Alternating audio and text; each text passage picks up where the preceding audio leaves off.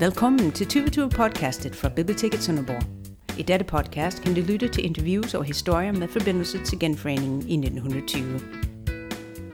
Denne gang hører vi fra Hans Christian Becker, der læser op for sin oldefars dagbog.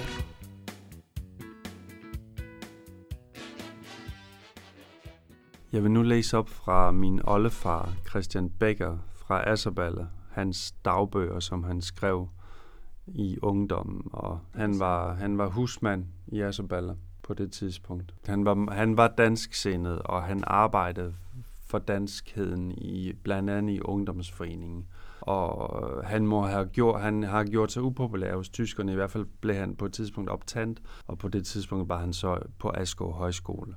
Senere hen, efter nogle år, så fik han lov til at vende tilbage til, til sin hjemmeegn og, og sin gård.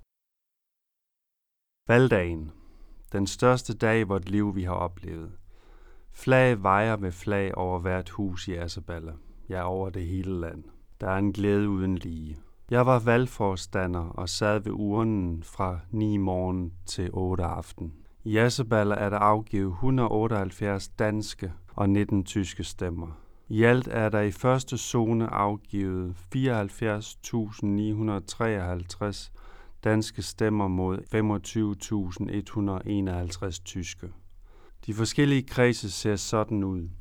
Haderslev 34.533 danske, 6.515 tyske. Åbenrå 13.189 danske, 6.528 tyske. Sønderborg 17.056 danske, 5.032 tyske. Tønder 10.175 danske, 7.076 tyske. Altså i alt 75 procent mod 25 procent. Et glemrende resultat. Gudske tak og lov. Som gæst hos os boede lærer H.C.L. Tyson fra Jels, altså moders fætter. Efter afstemningen var der fest i kronen, så mange begge sale kunne rumme. Vi kom hjem klokken halv fem om morgenen, efter at have tilbragt en aften som et dejligt eventyr. Jeg var ordstyrer. Christian Ernst holdt den egentlige festtale. Derefter kom der vel 20 andre taler.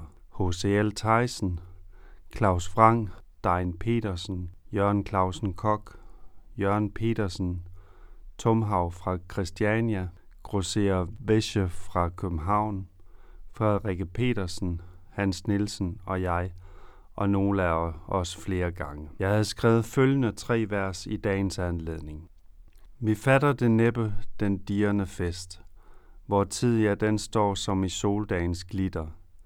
Vi er hjemme hos vor gamle mor til gæst, nej ej blot til gæst, men hjemme for altid bær hjemlandets gitter. Vi blev røvet af ørnens den grusomme klo.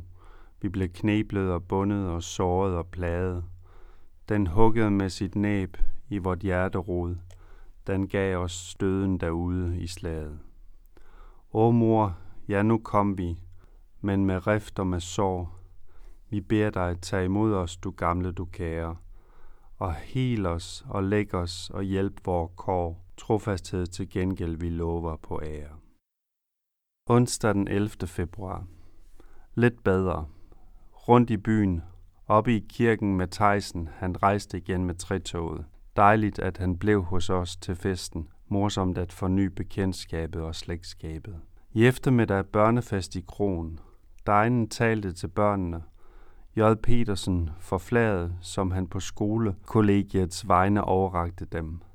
Jeg talte for Sønderjylland, Christian Ernst for Danmark, bagefter kaffe, ord og leg. Goddag for børnene. Aften. Fest i Asseballe Skov Kro med omtrent det samme program som aften forud i Asseballe. Dog mangler vi noget af friskheden, der prægede første aften.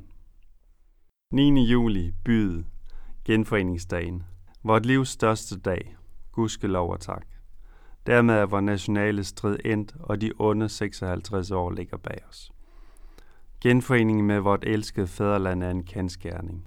Gudstjeneste klokken halv ni. Kirken var fint pyntet. Det gamle Dannebrogsflag, som bedstefar i sin egenskab som kirkeværv blev befalet til at tage ned først i 70'erne.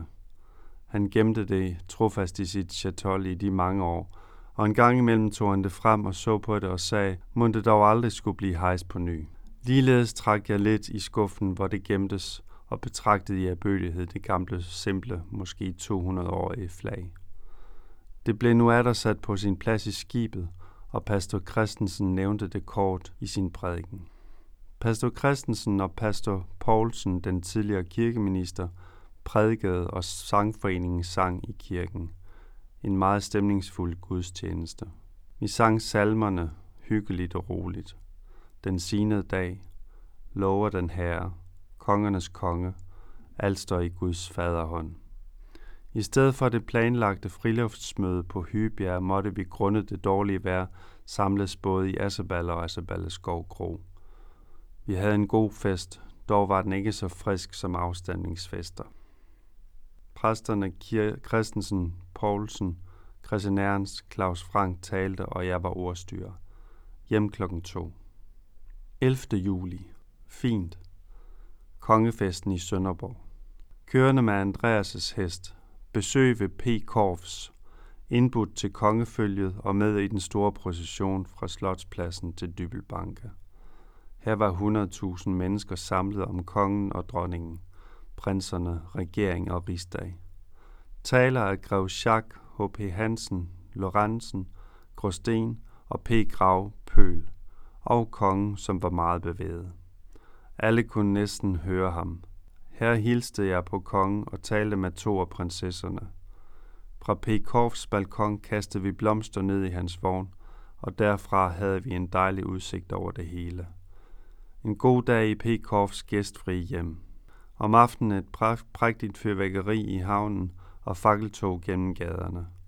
Vi beså fyrværkeriet fra midten af pontonbroen. Derefter talte kongen kl. 12 midnat til den tusindtallige forsamling i den stille sommernat. Jeg udbragte et leve for kong Christian, og altid frejdig, når det går. Og så sagde kongen, godnat og tak for i dag til sit folk. Han tager alle.